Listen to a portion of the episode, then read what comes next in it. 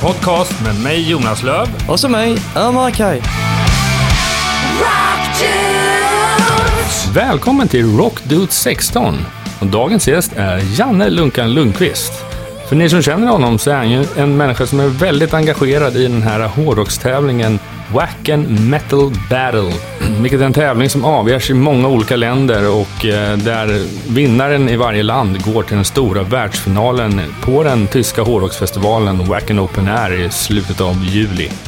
Men Janne, han började sin karriär någonstans för 40 år sedan på ett lager på CBS Records. Där han som bland de första uppdragen var att packa upp Bruce Springsteens Born to Run. Därifrån byggde han upp sin karriär genom skivbolagsbranschen genom att jobba på flera olika skivbolag. Bland annat så var han med och startade upp Virgin Records på 80-talet. Det var ju såklart blomstrande tider och dystra tider genom åren och ja, på 90-talet sen så blev det ju mer eller mindre en liten dalande eh, cirkus med skivmarknaden. Då är det dags att låta den, den digitala plattformen att ta plats. Men att vara först med det, det är ju inte alltid så lyckat. Så att eh, Janne har en hel del att berätta om dessa erfarenheter och eh, för drygt en tio år sedan då bestämde han sig för att hoppa av skivbolagsbranschen och starta eget. Så han verkligen fick göra exakt det han ville. Och bland annat så jobbar han med helt andra saker än bara musik, som att vara rådgivare till entreprenörer och uppfinnare som har sina egna idéer och vill komma igång med sina bolag. Då sitter han där bredvid och eh, delger alla sina erfarenheter och hjälper dem på vägen. Lyssna på när han berättar om alla sina erfarenheter genom åren och det kommer ju såklart vara en och annan rolig anekdot på vägen. Allt detta och mycket, mycket mer kommer ni lyssna på Rock Dudes 16. Men först måste vi prata lite om våra sponsorer, de som gör den här podcasten möjlig. Och i Rock Dudes 16 så är det återigen företaget S Electronics som står för sponsringen och S Electronics är ju en tillverkare av mikrofoner i världsklass. Vårt program spelas numera in med en av deras mikrofonmodeller som heter X1 USB. En riktigt bra stormembransmikrofon. Jätteenkel att koppla in i sin dator, det är bara att plugga i och köra. Vi är såklart superglada att vi har fått äran att ta del av S Electronics sortiment och vill du veta mer info om företaget och vilka fler mikrofoner de har så gå in på selectronics.com. Rockdus huvudsponsor är J-Leaf IT och Media AB.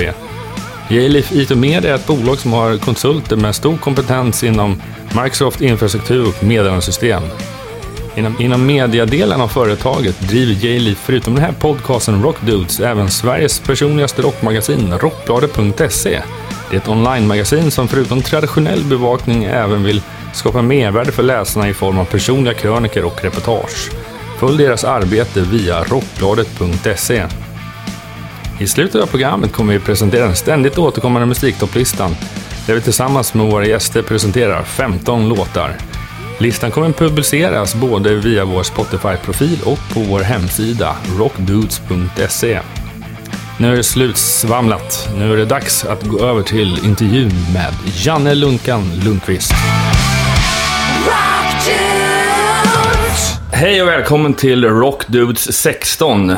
Nu börjar det bli mer och mer höst ute där ute, eller, eller vad tycker du Ömer? Oh ja, jävlar vad kallt det är. Helvete. Hur, hur ska vi göra för att uh, lysa upp dagen lite bättre? Kom och värm mig. Jag kramar dig lite. Ja. En björnkram. En björnkram, ja precis. Men idag har vi bjudit in en herre vid namn Janne Lunkan Lundqvist. Eh, välkommen! Tack så mycket! Hur eh, har du det i höstgryningen? Eh, jag har det rätt bra faktiskt. Jag tycker ja. uppe lite väl tidigt så här. Jag, ja, brukar, jag, jag, jag gillar bättre att spela in radioprogrammen på kvällen. Ja, på kvällen. Ja, precis. Ja, men det, det är nog lite, lika samma för Ömer också. Lite morgontrött. Ja. Eller väldigt morgontrött. Men eh, du har ju många år i, inom musikbranschen eh, och har jobbat med ganska mycket olika saker. Eh, var någonstans egentligen började ditt musikintresse skulle du säga? Det allra första var väl det... Eh, jag är född 54, samma år som tvn kom till Sverige, eller kom 56 tror jag. Så att när jag var liten satt jag framför tvn och tittade på testbilden för där och lyssnade på låtar som de spelade. Eh, Shadows och vad det nu kunde vara. Ja, just det. Växte du upp i någon typ av musikalisk familj eller var det någonting du... Ja, min farsa spelade gitarr mm. för hemmabruk så att säga. Och banjo och mandolin och sådär. Så att, eh, och min morsa gick och sjöng slagers från eh, ja, Eurovision då. Mm. Så det dånade om det. Så att, eh, lite var det väl kanske därifrån jag fick det. Mm. Musikalisk bakgrund? Uppväxt? Ja, inte riktigt så här. Spelar du någonting också eller? Nej, ingenting faktiskt. Eh, folk tycker att man kanske ska kunna spela något instrument om man har jobbat på skivbolag, men det, nej, det har aldrig blivit så. Nej. Folk brukar säga att vi alla är misslyckade artister eller musiker som jobbar i branschen, men så är det inte. Nej, absolut inte. Det är, det är absolut inget måste. Det finns andra saker som kan driva in som man kan vara duktig på. Som, eh, det gäller bara att ha ett starkt intresse och vara passionerad. Mm. Det är väl mm. det som, tycker jag, förenar folk i musikbranschen. Som att Jonas eh, kan faktiskt sjunga. Det är inte många som vet om det. Eller plinka på gura, visst det heller inte. Nej, nej, mer gura än sjunga kanske. Sjunga mm. gör jag för dottern, det är helt sant. Men det är ett mer ett nödvändigt ont kanske. Det är det, ja, det ser man. Men när du växte upp, eh, kanske mer under skolgången, tonåren, vad hände där?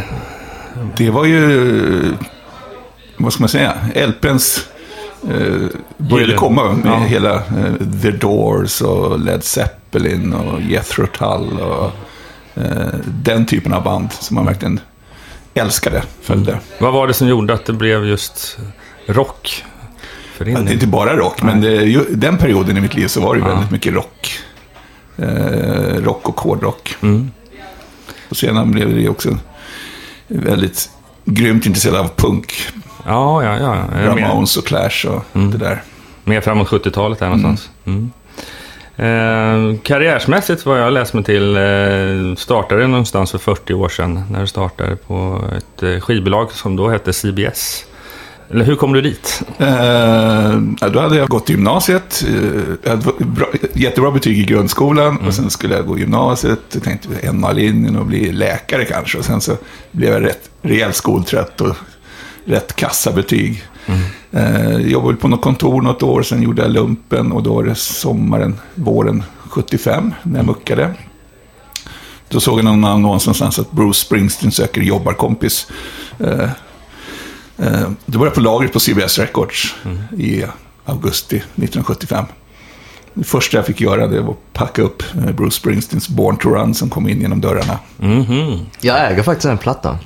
Hör och häpna. Ja, det, det, är inte helt... Mm. Ja, det, är, det, måste vara häftigt för det är en av de mest klassiska plattorna och just den här i varje fall. Ja, och sen blev det... Mm. Senare den hösten fick man ju se Springsteen då, genom att man... På, eh, på Konserthuset. Mm -hmm. Ja, det är häftigt. Men eh, hur länge jobbar du på lagret? Eh, vad ska man säga? Det var väl, eh, på den tiden var det då, gjorde man bara ett bra jobb så varje år hade man en, en ny tjänst. Så att, eh, efter ett år blev jag eh, chaffis. Så åkte runt på stan i en, i en orange CBS eh, van och levererade vinylplattor till eh, skivbutiker mm. i Stockholms innerstad och i förorterna. Sen efter ytterligare något år så blev jag telefonsäljare. Så att ringde runt till skivbutiker och blev också uppringd. Eh, krängde på dem The Police och annat. Mm. Sen blev jag ansvarig för den avdelningen det var väl 79 någonting. Och eh, något år efteråt så blev jag eh, inköpare. Alltså att kontakt med fabriker mm. i Europa då. Och beställde 50 000 av en meatloaf eller vad det nu kunde vara. Så att transporteras med flyg eller långtradare. Mm. Har du börjat beta dig igenom hela... Det är ju rätt många delar ett skivbolag består av. Ja, olika precis. roller och mm. funktioner. Eh, ja, eh, fortsätt. Vad hände? Då eh, en eh, arbetskompis, Anders Jämtorp, då, hade läst någonstans att eh, Virgin Records skulle eh, öppna kontor utanför Storbritannien. Eh, så han skickade ett brev, traditionellt brev till Richard Branson och eh, fick träffa honom på hans husbåt i London. Och fick uppdraget att starta Virgin. Så att, och han tog med mig och, och ytterligare en snubbe. Så 1 oktober 83 så grundade vi Virgin Records i Sverige. Mm -hmm. Precis, men var, under de här åren på CBS och sen när de blev kontakt, eller tog kontakt med för att starta upp det här med Virgin. Eh, hade du själv några egna drömmar och mål på vad, vad du ville göra? Eh, vad du minns? det rullade ju på så bra. Jag fick ju göra eh, nya saker efter ett, ett och ett halvt år hela tiden. Och eh, utvecklas och det var utlandsresor. Och, sen å- under 83, då var det snack om att jag skulle få jobba internationellt på eh, distributionen i Holland. Och sen rann det ut i sanden, då blev jag lite sur. Och det, för helvete. Det var ju nästa steg. Då, och så dök det här med Virgin upp. Det var liksom bara, frugan tyckte, nej men du ska inte säga upp det liksom. Så att, men jag gjorde det i alla fall. Så att jag började på Virgin då. Ja, det är, det är häftigt. Men eh, hur, hur var det att starta upp ett skivbolag i Sverige på Eh, början på 80-talet? Det här var i oktober 83. Det var ju tre snubbar som då åkte till eh, ÖoB, Över- överskottsbolaget, köpte möbler. Satt ute i eh, Upplands Väsby. Eh, verkligen off. Ja, verkligen. Ehm, men det gick ju så fantastiskt bra. Det var liksom när vi startade bolaget så hade vi etta på singellistan, Culture Club och etta på albumlistan, Mike Oldfield. Ehm, så vi tyckte, fan, det här var ju lätt som en plätt att starta skivbolag. Liksom. Du har inte så stor konkurrens heller då, eller? Ja, det var ju det, men det var ju liksom, Virgin var verkligen, både på album och singel, väldigt stora. Så att jag tror att det var, under julveckan så hade vi sju av de 20 eh, singlarna på, Oj. på singellistan. Oj, oj, oj. Ja, det var... Eh, Imponerande. då, då trodde vi att eh, det här var ju lätt. Och sen kom det ett år när det bara kom skit. Liksom ingenting hände. Så vi var ju faktiskt på konkursens brant där. Så att, eh, Oj. Ja. Men eh, din roll i det hela på Virgin, vad, vad gjorde du eh, då? då tog jag med det här att jag var inköpare. Så jag hade, eh, jobbade ju mot eh, olika fabriker då, då. Och sen var jag eh, marknads och försäljningschef. Var ni fortfarande alltid tre stycken då? Till och med när det var... Nej, vi växte väl under den hösten blev vi fyra och fem till och med. Faktiskt. Och sen var vi kanske åtta, nio efter något år. Och som mest var vi 18 personer på bolaget. Men drevs ni helt eh, ekonomiskt från eget, från startläge eller blev ni sponsrade från Virgin? Av, eh, från... Nej, möjligtvis att vi fick några pengar på banken bara för att eh, kunna komma igång då. Så att, eh, för sen rullade det på. Men det var ju väldigt krisartat ett tag. Och vad hände efter det då? Sen kom det ju bra grejer igen. Ja. Eh, exempelvis Sandra med Maria Magdalena som var en monster, både singel och albummässigt. Ja. Och sen kom jag om och säger, det var Lenny Kravitz och det var Genesis, Peter Gabriel, eh, den typen av artister. Sedan kom ju också Janet Jackson och Rolling Stones. Men var det bara internationella artister så att säga, eller var det även svenska som anslöt sig Ja, till? vi hade ju svenska som egentligen inget av dem blev så här riktigt stort. Eh, då det var Visitors, lite popsynt. Eh, Isabella Scorupco. Ja, men det var väl stort. Ja. Shame, shame, shame. Mm, ja, just det. Den hitten. Den, Den spelades mycket. HM, HM-låten. Ja, just det. När vi hade kört Virgin då i ett eh, antal år så fick vår distributör, eh, skivbolaget Elektra, ekonomiska problem. Och eh, det märkte vi på så sätt att eh, avräkningarna dröjde innan de kom. Om de ens kom. Och just i den vevan hade vi en så otrolig framgång med Roy Orbison och Johnny Hates Jazz, Belinda Carlisle, typ eh, topplistettor allihopa. Ja. Så att det som mest var väl skulden uppe i 20 miljoner kronor. Vilken ofantlig summa. eh, eh, I slutändan så eh, med lite ja, hemligt spel bakom kulisserna så fick vi loss de här pengarna i alla fall. Så att det, sen gjorde vi också en luring mot Elektra. Att, eh, det var i samband med att de, vi släppte ett album med Simple Minds. som hade fått upp i 50 000 i förhandsorder via Elektra. Så vi gick eh, in på Elektra och sa kan vi få den här listan med vilka butiker som har beställt eh, skivorna. Och visst, eh, sa de, så tog vi den där listan. Eh, sen dirigerade vi om långtradarna som var på väg till skivbolaget EMI istället. Så fick EMIs personal eh, knappa in de här antalen. Så att då liksom fick vi ut den plattan den vägen. Eh, Elektra var inte glad över det, för i samband med så slutade ni samarbete med dem, eller? Ja, det var... Eh, vi gjorde faktiskt så att vi gick tillbaks till Elektra. Just för att få eh, kan säga, loss de här stålarna. Eh, en, en fin. Fick, sen fick vi tillbaks pengarna och sen så drog vi igen. Den där gången till Warner. Och sen konkade de. Sen konkade Jesus. Tänk om jag skulle få för mig att göra en sån grej. Jag har varit eh, klassad som Svarta fåret eller? Svarta får eller något sånt där. Nej, men back in the old days så var det mycket så här typ eh, konstigheter bakom kulissen som du, som du säger. Som är kanske lite otänkbart idag. Ja, det är mycket möjligt. Du finns kan det, ju det här. finns det försäkringar och diverse men eh, jag har ju hört stories såklart. Mm. Här är en. Ja, en, en bland många. Ja, men sen rullade det på på Virgin då, då men sen... Eh, där framåt 92, eh, då hade flygbolaget Virgin eh, Atlantic startat och eh, det var ju Richard Bransons fokus var ju på de här nya affärsområdena. Mm. vilket också gjorde att ehm, det behövdes pengar för att ja, tanka flygplanen. Så att eh, ekonomin blev sämre för skivbolaget. Och eh, sen blev det rykten. Eh, så fick vi då höra att eh, det stod tror jag mellan BMG och EMI som skulle köpa Virgin Records. Och i slutändan så blev det EMI 92. Så då tog vi en gravöl vi på, på jobbet och gick till någon eh, pub där på Kungsgatan och drack oss rätt packade liksom. Så att, ja, för vad hände sen? För att eh, du jobbar ändå vidare under Ja, det, något sånt konstigare var att vi fick eh, vara helt i fred. Vi var en självständig eh, del av eh, skivbolaget EMI. Så vi hade separata kontor. Vi satt i samma byggnad då, då på Tritonvägen i Solna. Då, då. Men, eh, och våra plattor på deras lager förstås. Och eh, jag tror helt, helt separat. Egen A&R och egen ekonomi. Du, du jobbade ju där ett antal år, fram till mitten på 90-talet någonstans. Ja. Det, det fortsatte egentligen bara på enligt eh, samma linje som du hade jobbat hittills. Ja, precis.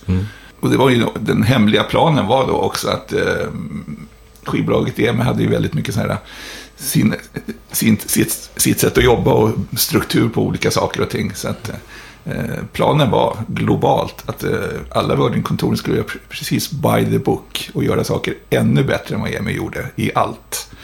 Så att eh, infiltrera EMI-koncernen skulle man kunna säga med Virgin-folk. Så att, eh, vilket på väldigt många sätt lyckades. Så att Virgin-folken kom inifrån och fick toppositioner inom EMI. Väldigt häftigt faktiskt. Mm. Men hur gick det för din del? Då gick du vidare därefter? Ja, eh, jag var med också och drog igång eh, Absolute Music 86. var ju det. Ehm, Och eh, rullade på, det blev ett separat bolag eh, 1990. Ehm, Jag jobbade på på Virgin och sen i, alldeles i början på 97 så hördes eh, de, den andra sidan, fiendesidan till Absolute Music av, eh, av mig. Det vill säga Sony, eh, Edel Records, Universal, Polygram, Stockholm Records. Och frågade om jag ville starta upp ett nytt bolag som kommer att heta Greatest Hits Entertainment. Som då gjorde skulle göra samlingsplattorna eh, Most Wanted och Partisan. Och det tyckte jag var kanon. Det var tror jag februari 97. Och sen blev det sådana tester och Merkur i urval och sådana grejer. Då, så att det drog ut på tiden. Ehm, men det var valborg 30 april eh, 97.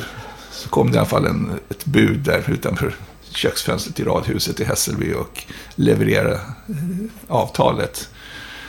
Eh, så var det långhelg. Sen eh, gick jag tillbaka till Virgin då på måndagen. Gick in till Anders Hjelmtorp och sa, nu ser jag upp mig. Och sen, men vad fan Lunken, ge det nu då. Eh, Är du sur på någonting? Nej, jag har fått det här jobbet. Och sa, ah, men han, då fattade han grejen så att eh, jag kunde ju gå på några dagar bara. bara. Ja. Vad skönt. Ja, Men han var kvar då? han var kvar då. Ja. Hur länge var han kvar där? Tills det gick åt skogen med hela Virgin-grejen? Jag vet inte, Anders var väl kvar till 2005 kanske. 2003, jag är lite osäker där. Men då började jag göra samlingar, Most Wanted och Partisan. TV-annonserade både hitsamlingar och temasamlingar. Jag, för, jag, jag minns det här, för jag fick, kommer ihåg att om inte jag cyklar så var jag nog till och med prenumerant på. Jag fick typ, kom inte ut typ en gång i månaden. Nej, du tänker på Mr Music. Mr Music, i ja det, kan jag. Det var en prenumerationstjänst. Mina föräldrar lurade på mig den här tjänsten. Det var massa dynga som kom. Så var ingen rock utan massa tråkig, konst, konstig musik. Men ähm, vad... Det var, det var ett, också ett av mina jobb på Virgin att klira rättigheter till samlingar, externa samlingar och även interna. Då, så att Mr Music var ju fantastiskt framgångsrikt. Sålde kanske 120 000 ex varje månad. Så att, eh, Men det var era konkurrenter kan man säga till, till viss del. ja, det var ju på sätt och vis inte för de... Man visste ju inte vad man fick när man köpte eh, prenumerant på Mr Music. Det bara kom i brevlådan då. Ehm, och det var ju... Eh, två gånger per år så kom två av ägarna då till Mr Music med sin attachéväska. Eh, la upp på bordet, öppnade den.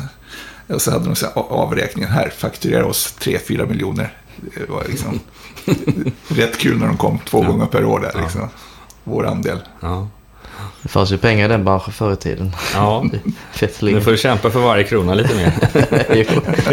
Lite hårdare, lite längre. Precis.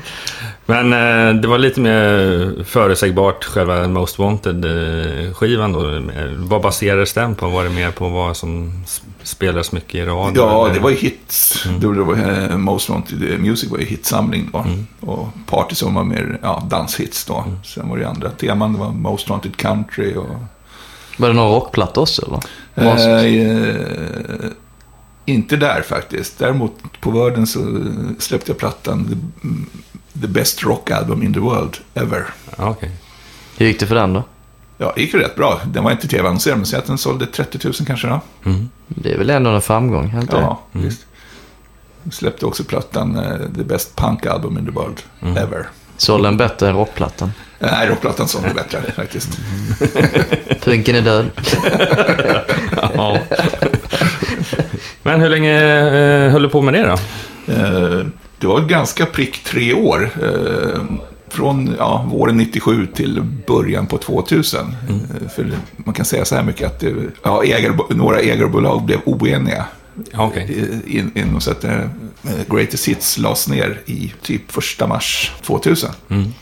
Så då fick jag gå på dagen eh, som vd där. Eh, gick jag hem, grina lite så här. Och sen så, det var måndag och sen så på tisdag så bryggde jag en stor kanna kaffe så började jag ringa runt. Eh, och kolla med folk och så på onsdag så var det någon som hörde av sig. Ja, det finns ett italienskt bolag eh, som är på gång här. Som, ska, som är på gång att öppna i Sverige. Och det var då italienska Vitaminic. Som då startade i Italien 99 och under 2000 öppnade kontor. Eh, ja, globalt. 10 kontor blev det. Vad är det för först eh, företag då? Ja, vad ska man säga, en slags ehm, digital eh, distribution av musik. Sam, det var samtidigt med Napster kan man säga och mp3.com. Väldigt tidigt med andra. Ja, och det var ju precis otroligt bra timing för det var ju någonstans, om det var 6 mars när den här IT-bubblan började, när, den sprack, och det rörde sig faktiskt om timmar, så hade Vitaminic fått grym finansiering. Så att det liksom, de hade mycket pengar. Ja, det var extrem timing vill säga. Extrem timing. Och så fick jag börja där första april. Så blev jag vice president, minsann, för eh, Music Business eh, Relations. Och efter ett halvår så blev jag vd för bolaget då. Mm. Hur gick det då för bolaget? då? Ja, mer pengar ut än in. Konstant. Över hela... Burning rate. Ja, det var ju väldigt mycket burning rate på den tiden. Rent allmänt i Ja, företagsklimat. Vi var väldigt starkt varumärke. Var, eh, det framröstades i tidningen, vad heter den, musik... Eh, den hette musikindustrin, ja, Ja. i tryckt form. Som hetaste eh, digitala bolag, etc. etc. Men vad var själva affärsområdet? Ja, Att sälja sälja mp3 Sälja mp3 till att börja med styckvis och sen eh, som prenumeration. Och det funkar väl si sådär misstänker jag. Det var ingen som köpte man- något. eh, nej, de, eh, sen fick man ju inte med sig storbolagen e- egentligen på något vis. Det var liksom... Eh, däremot svenska bolag var väldigt bra. Hela de här independent-scenen. Eh, allt ifrån Andersson Records, alltså Marie Ledins bolag, och till eh, Birdnest och eh, Burning Heart.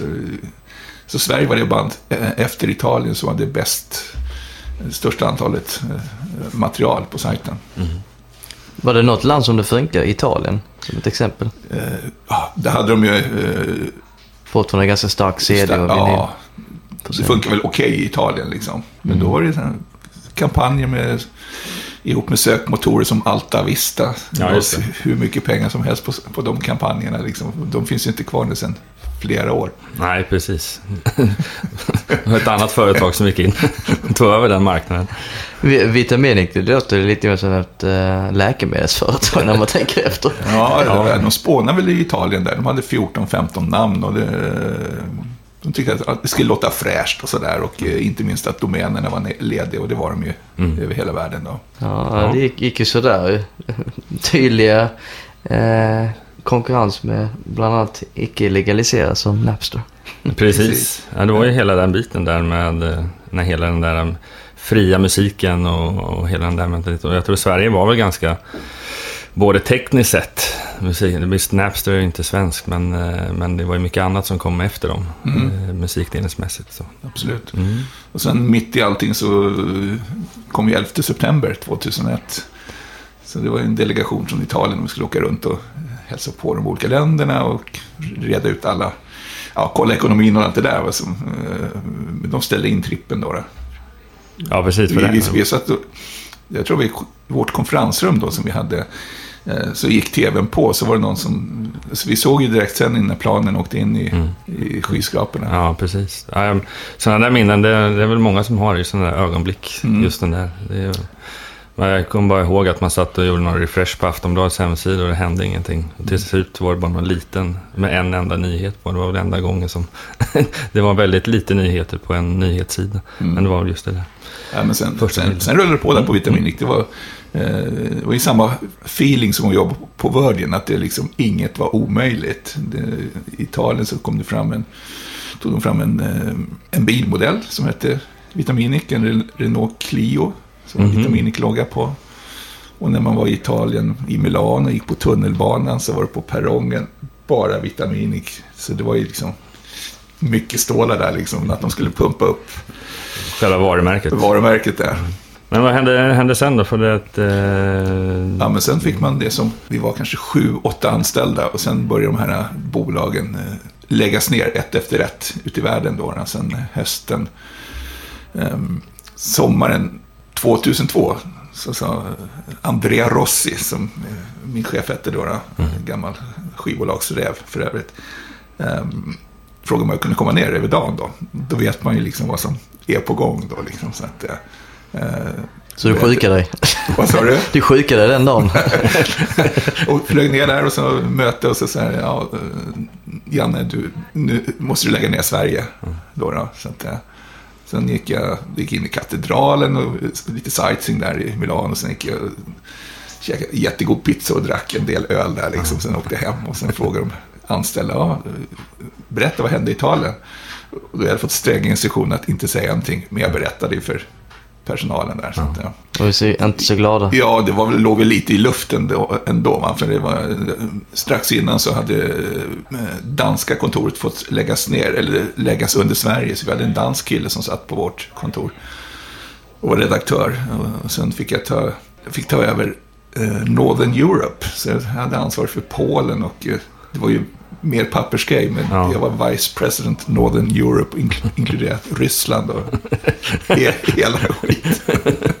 Tyvärr hade jag inget visitkort eh, från den perioden. Var rätt, rätt. det här var ett bra att ha med. Men eh, sen var det dags att lägga ner. Vi gjorde ett, eh, ingen konkurs och det var facket var där och liksom... Och det, ehm, Hur många anställda var det? jag tror vi var åtta då, inklusive mig själv. För vi hade ju liksom... Eh, Danmark också hade vi under vårt tak. Så jag tror det var 30 september stängde vi och ehm, då var jag arbetslös. Men då hade jag liksom börjat fundera på, ja då ska jag starta eget. Så då blev det ett eget bolag, Lunkan Music och Media. Men vad var första idén du hade med. Det första jag fick, det fick jag egentligen innan jag slutade, det var att göra en samling åt ett eh, IT-bolag som hette Mobile Hits. Som en tidig aktör när det gällde ringsignaler och loggor i mobilen. Både musik och spel och så vidare.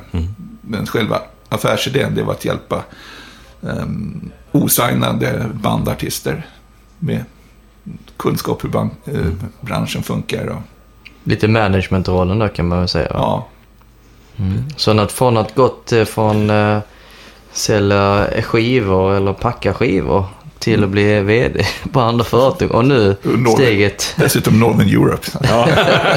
och Ryssland. Och nu till att vara egen entreprenör. Det är en jävla resa om man säger så. Ja, och då, det som hände då, så hade man möte med, det var väl kanske ingen sån här världens bästa affärsidé, eh, dock affärsidé, för de, band har ju inte pengar alltid.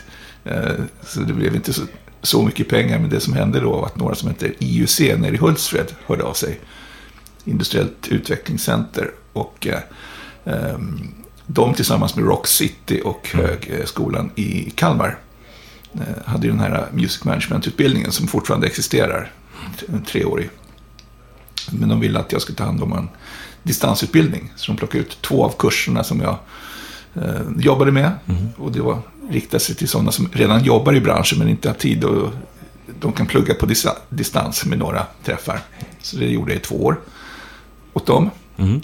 Bra uppdrag. Det gjorde att jag liksom kom in och var synlig i branschen på ett, från ett helt annat håll. Och sen rätt omgående, i slutet av 2002, så fick jag uppdrag att vara innovationsrådgivare redan då. Att em, träffa uppsagda Ericsson-anställda eller folk med fiffiga gitarrer. Så då satt jag på, oftast på Café Litorn och på Odengatan hade möten med dem. Men det är precis för det känns som att i, idag så pratar man så himla mycket om entreprenörer och innova, innovatörer inom musikbranschen. Det är klart att på den tiden så var ju hela den digitala plattformen och allt med det väldigt sådär va. Men just det där med att ge tillbaka till branschen är inte någonting som jag har känt genom åren har varit så jättemycket upp på tapeten utan att man, banden har fått kämpa sig på he- egen hand. Så det måste ju varit, egentligen måste det varit ett väldigt uppdämt behov av att få den hjälpen. Sen är det väl inte alltid ekonomiskt alltid Nej, det var liksom kanske lite glest mellan de uppdragen då. Sen eh, kanske några tusen lappar. Och för ett band är några tusen lappar jättemycket pengar Ja, faktiskt. mm. precis. Men vad eh, tog du det därifrån då med de här... Eh, ja, då, hade jag, då fick jag idén också i den vevan att eh, folk frågar avtal och hur vad är en ISRC-kod och allt vad det kan vara. Eh, så jag samlade ihop, eh, då pratade jag med IUC då, liksom, jag har en idé att göra ett eh, startkit för musikbranschen. Ungefär som ett startkit man köper på Ikea när man flyttar hemifrån. Det är liksom, där, där ska allting finnas. Så jag fick stöd från dem. Eh, så jag satte ihop något som kommer att heta Rookie. Allt du behöver veta för att starta ett skivbolag och lite till. Små artiklar i Dagens Nyheter och Dagens Industri. Bli din egen Bert Karlsson och så bild på mig och Rookie-kittet. sånt där. Så du blev författare. Ja, det var en CD-ROM så det var ju mer... jag Jaha, det var ingen bok Det var ingen bok, nej. CD-ROM, då satt du in i datorn och sen fick du alla avtal och Aha. Sålde den Man- bra då? sålde jättebra faktisit. Det var, den eh, den var väl klar alldeles slutet av 2003 måste det varit. Och sen kom den alldeles början av 2004 släppte den några.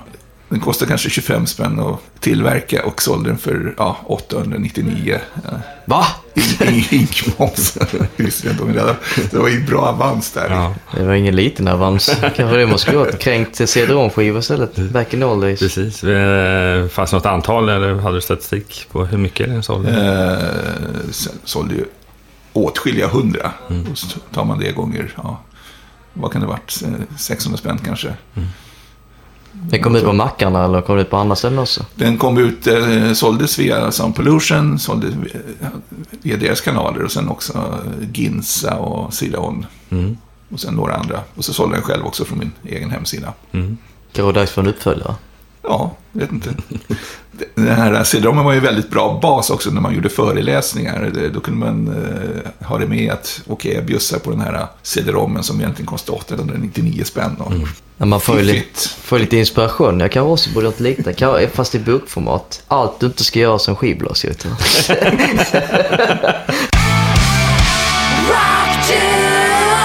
Ja, men det som hände sen då var eh, via ett uppdrag åt IUC. Så var på någon då var det begreppet upplevelseindustrin jättehett då. Så det var en upplevelseindustri-mässa i, eller konferens i Borås. Då stod jag där med mina rookie-kit och IUC-skylt och allt det där. Så av en slump så kom en delegation från Botkyrka kommun för, förbi och började prata med mig. Och ehm, ena gav det andra. Så att någon månad efteråt så an- jobbade jag i Subtopia i Alby, Botkyrka. eh, ansvarig för något som heter Starthuset. Så jag coachade då kvinnliga dirigenter och dansare och eldslukare och filmare och musiker. Inte att sluka eld då, men allt det andra med paketering och Mm. entreprenörskap. Och. Mm. Otroligt kul. Ja, det är verkligen, verkligen. Men det kändes lite grann som att du, man gör lite allt möjligt under ditt eh, Paraply, ja, precis. Det, är liksom, det, är, det finns ingen måtta egentligen. Finns det något du inte gjort innan det började kännas så här, Vad är det mest uddaste? Kan man säga. Eh, mest udda? Ja, det är väl ändå när jag liksom försökte vara med och få Pirate Bay lagligt. Det är jätteintressant. Ja. Vem har inte varit i... eh, Var det någon idé från dig själv eller vad, hur kom Nej, det där? det var... eh, Det här var sommaren 2009 då Hans Pandeja då eh, var väl i Almedalen och pratade och sa att ja, nu ska jag köpa Pirate Bay här och eh, göra det lagligt. Så var det någon som föreslog, föreslog men Lunkan ska inte liksom kontakta Hans Pandeja och erbjuda dina tjänster. Så att, då skrev jag ett mejl i rubrikraden. Behöver du hjälp med kontakt i musikbranschen från en person som har startat Richard Bransons Virgin Records i Sverige. Jättelångt rubrik. Så, han hörde av sig, det var en söndagkväll, så han hörde av sig på måndagen. Ehm, så vi tog en fika på stan. Ehm, så sa jag min deal då, hur jag ville ha det. Jag ville ha allt i förskott hela tiden. Då, så att, eh, och på onsdag var det dealen klar då. då. Och eh, första pengarna på kontot. Ehm, och sen på torsdagen så pratade jag med Lars Nylin, då musikindustrin, som gjorde en pressrelease. Och på fredagen hade vi första mötena med musikbranschen. Så det var som en virvelstorm i musikbranschen. Träffade IFPI och Sami och Stim och Warner och EMI och alla bolag. Ehm, Till och med så att ni hade en eh, presskonferens på Nalen. Om inte jag minns, det var någonstans. Ja, jag satt väl i den panelen då, i Ja. med Stim Music Expo då. De skulle berätta om eh, uppköpet och allting. Och det var väldigt intressant att lyssna på. Jag fattade ingenting först och trodde det var ett skämt. Men visste inte ens att det var tal om att uh, Purple skulle säljas överhuvudtaget. Men det, det blev aldrig så till slut. Det blev aldrig så. Det var jag tror att prislappen, via de som då hade kontroll över eh, innehållet, domänen och så vidare, så var det typ 60-70 miljoner. Lite Men- var för högt eller vad menar du? Ja, Ja, att priserna? Det sägs att, eh, i alla fall, att Hans Pandé kanske kom upp i 40 miljoner, men det räckte ju inte att köpa den. Men det var ju på riktigt. Jag satt ju då ehm, i Hans Pandéas lägenhet då på Östermalm och sen hade vi eh, så var det telefonkonferens med Universal i London i andra ändan. Så att det var liksom, det var ju på riktigt. Men på vilket sätt skulle man legalisera det? Alltså göra så att man kunde ta hem låtar via torrents? Ja, eller Pirate Bay eller En streaming? slags eh, prenumerationstjänst. För säg 200 spänn i månaden så skulle du få tillgång till allt innehåll på Pirate Bay. Men kändes det verkligen som en smart idé med tanke på vad egentligen varumärket är förknippat med? Allt icke-legalt till den här Alltså Ja. Pirate Bay i sig låter ju väldigt illa i vissa öron, framförallt i musikbranschen. Ja, det var ju, jag fick ju, tanken var ändå att göra Pirate Bay som var eh, olagligt, att göra det lagligt. Så det var ju någonstans något som de flesta borde kunna sympatisera med. Ja, för, faktum, för faktum var ju ändå så att eh, det fanns medier som faktiskt använde Pirate Bay som distribution. Eh, eller den, den typen av teknik, ska vi säga. Torrents-teknik. Bland annat norsk tv eh, distribuerade sina... Istället för att ha som SVT har sin SVT Play idag så använder de den för att distribuera eh, nya program efter de hade visats på tv. Så det fanns ju eh, saker, fast de, det var, hade inte någonting, då var ju fortfarande Pirate Bay olagligt, men de använde ändå Torrents-tekniken för att distribuera. Sen fanns ju den även tillgänglig via Pirate Bay också. Då. Så det, det var ju en fantastiskt bra teknisk lösning egentligen. Mm. Så det var ju, var, ett, det var ju väldigt innovativt att försöka använda en, en befintlig teknik som redan många i världen använde. Mm. Och ett känt varumärke, det var ju Ja, visst. liksom att det, Det var ju ändå så. Men Det- det, var, var, Ja, det rullade ju på. Ja. Sen eh, var det någon månad, eh, inga pengar på kontot. Då, då slutade jag jobba precis i samma... När, när, när inte pengarna var insatta, då slutade jag jobba så fick man vänta. Och, och sen så satte jag igång igen när mm, man var, hade ja. löst de uppgifterna. När pengarna kom igen eller? eller Ja, då satte jag igång igen. ja. Varför ströp han det? Eller för att han... Nej, han hade, eh, det var ju penningbrist där. Det var det? Ja. Okej. Jaha. Sen Precis. fick jag också eh, aktier i hans bolag då, då, som, eh, som heter Global Gaming Factory. Ehm, någon procent. Och eh, skulle nu värdet stiga så skulle jag blivit mångmiljonär. Det, det skedde aldrig. Men eh, Men det var det som var idén med lite Ja, eh, det istället. var en av grejerna också. Ja. Liksom. Vad hände med aktierna? Sålde de då till slut? eller? Ja, då gick eh, Global, eh, Global Gaming Factory gick ju konkursen. Så det var noll kronor från det. Så jag, den. jag, tror, jag tror jag hade en miljon andelar En miljon andelar. i bolaget. Då. Skulle sålt också precis när du fick aktierna. hade blivit miljonär en dag och inte väntat. och Fått in någonting. Ja, Det är lätt att vara efterklok. Ja, det kan man alltid vara. Och framförallt på den där tiden också. Men då fanns det pengar tydligen. Ja, till en början i alla fall. Men det var ju ändå ganska skakig tid i, rent eh, allmänt i, i företagsvärlden efter IT-kraschen. Det tog ganska många år innan, Mm. innan det repade sig. M- Mig veterligen så är Lunken den enda på lagligt sätt som har tjänat pengar på Pirate Bay. Ja, det kan man väl säga. Ja, Indirekt. Indirekt i alla fall. jag ska uppdatera LinkedIn med den grejen faktiskt. Det är bra. Bra det är sö- jävla meriter om man säger så. sökbarheten är jäkligt bra där. Ja. Men vad hände, vad blev det för projekt i och med att det inte gick som det skulle gå där? Men... Jag är ju, det finns ett uttryck eh, som heter slasher. Som är, att man är, ja, man är manager slasher. Man är innovationsrådgivare slash och så vidare. Så Ja. att, eh, det tycker jag passar på mig. Så jag har ju kört väldigt mycket parallella spår hela tiden. Så att, eh, Ja, för du har ju varit manager åt vissa hårdrocksband. Ja, jag var manager åt eh, Degraded exempelvis eh, 2006 till 2012. Gick väl ganska bra för dem, vill jag minnas. De släppte några plattor. Ja, precis. Kom ut det och turnerade. Det är också sådana här lite slumpartade grejer. Då var det i början av 2006 så blev jag tillfrågad av eh, ABF, som har sin eh, rocktävling Spinnrocken i södra Stockholm. Jag ville sitta i juryn på i finalen och eh, då spelade Degraded då. Och jag tyckte de var bäst och de tyckte övriga juryn också, så de vann ju då. Sen hände inget mer egentligen.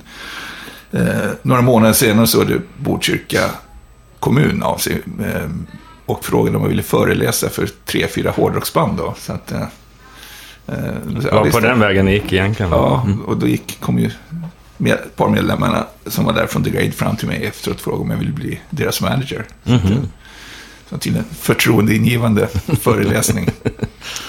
Eh, jag upp fina planer och world domination och allt det där. Va? Så att, och då var det ju de redan i kontakt med In Flames. Trum, dåvarande trummisens flickvän, eh, syster var flickvän till Jesper Strömblad. Ja, Så de fick ju spela in där i IF Studios i Göteborg då. ja.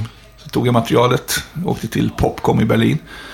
eh, Träffade bolag och sen var det något som var riktigt intresserade. eh, bolag som hette Dockyard One från Hamburg. Men så hör man inte av dem. Så, fan, det sket sig liksom. Så hör de av sig i november. Eh, 2006. Ja, för fan, det här är jättebra. Nu vill vi ut det här. Ehm, Och så fick man en länk med 30 olika omslag från en formgivare. Så kunde man välja. Det gick väldigt snabbt då. Ja, ja, ja, ja. Så Det blev väl med någon präst då. då. Eh, och sen så vill ju skivbolaget...